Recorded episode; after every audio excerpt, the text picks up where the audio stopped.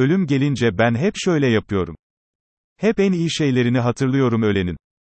Kötü şeylerini hiç hatırlamıyorum. Hep hayırla yad etmeye çalışıyorum. Hayırsızca yad etmek istemiyorum. Hep iyi bilirdik diye haykırıyorum. Başka türlü haykırmak içimden gelmiyor. Hep ayağa kalkıp saygıyla önümü ilikliyorum. Kayıtsızca oturamıyorum. Hep rahmet dilemek istiyorum. Rahmeti esirgemeye kıyamıyorum. Hep ölümün bir son söz olduğunu düşünüyorum. Defteri hemen kapatıyorum. Hey gidi Burhan hocam hey. Korona olduğunu bile bilmiyorduk. Koronadan vefat ettiğini duyunca fazlasıyla şaşırmam bu yüzden herhalde. 65 yaşındaymış Burhan Hoca. Vay be. Hiç de çok yaşlı değilmiş. Oysa ben kendimi bildim bileli onun epey yaş almış olduğunu düşünürdüm. Falanca benim talebem, filanca benim talebem deyip durmasının bu yaşlılık imajında bir etkisi var mıydı? Bilemiyorum. Yüz yüze hiç tanıştınız mı kendisiyle? Pamuk gibi bir adamdı. Sohbeti tatlıydı. Kamer gençle şakalaşmalarını anlatmaya doyamazdı. Hep dikkatimi çekmiştir. Burhan Hoca ne zaman gülse, yüzü bir çocuğun yüzü gibi olurdu. Gülünce çocuklaşırdı.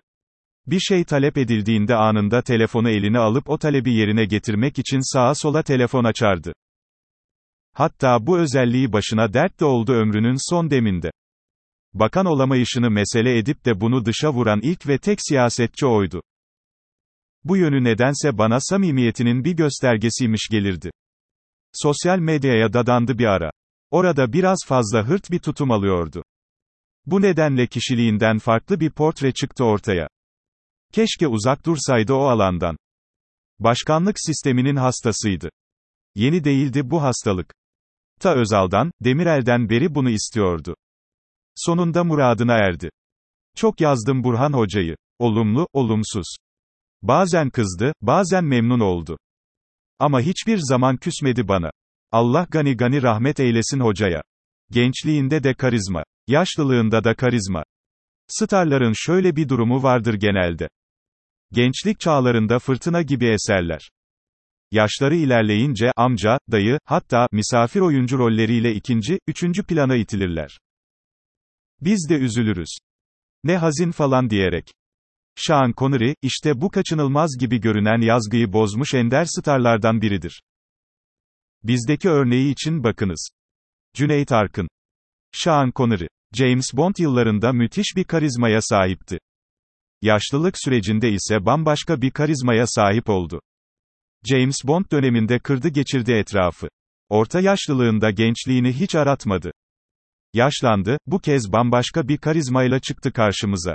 En yaşlı anında en pahalı markanın reklam yüzü bile oldu. Hayatının her döneminde kıymetinden hiçbir eksiltmeden var olmak, var olabilmek. Az şey değildir bu. Bilhassa star oyuncular için. Cinayeti gördüm. Malzemeden çalan müteahhitlerin, kolon kesen yamyamların, denetim yapmayan yetkililerin, sazlıklara apartman konduranların, çürük raporunu aldırmayanların, işlediği cinayeti gördüm. Tsunami.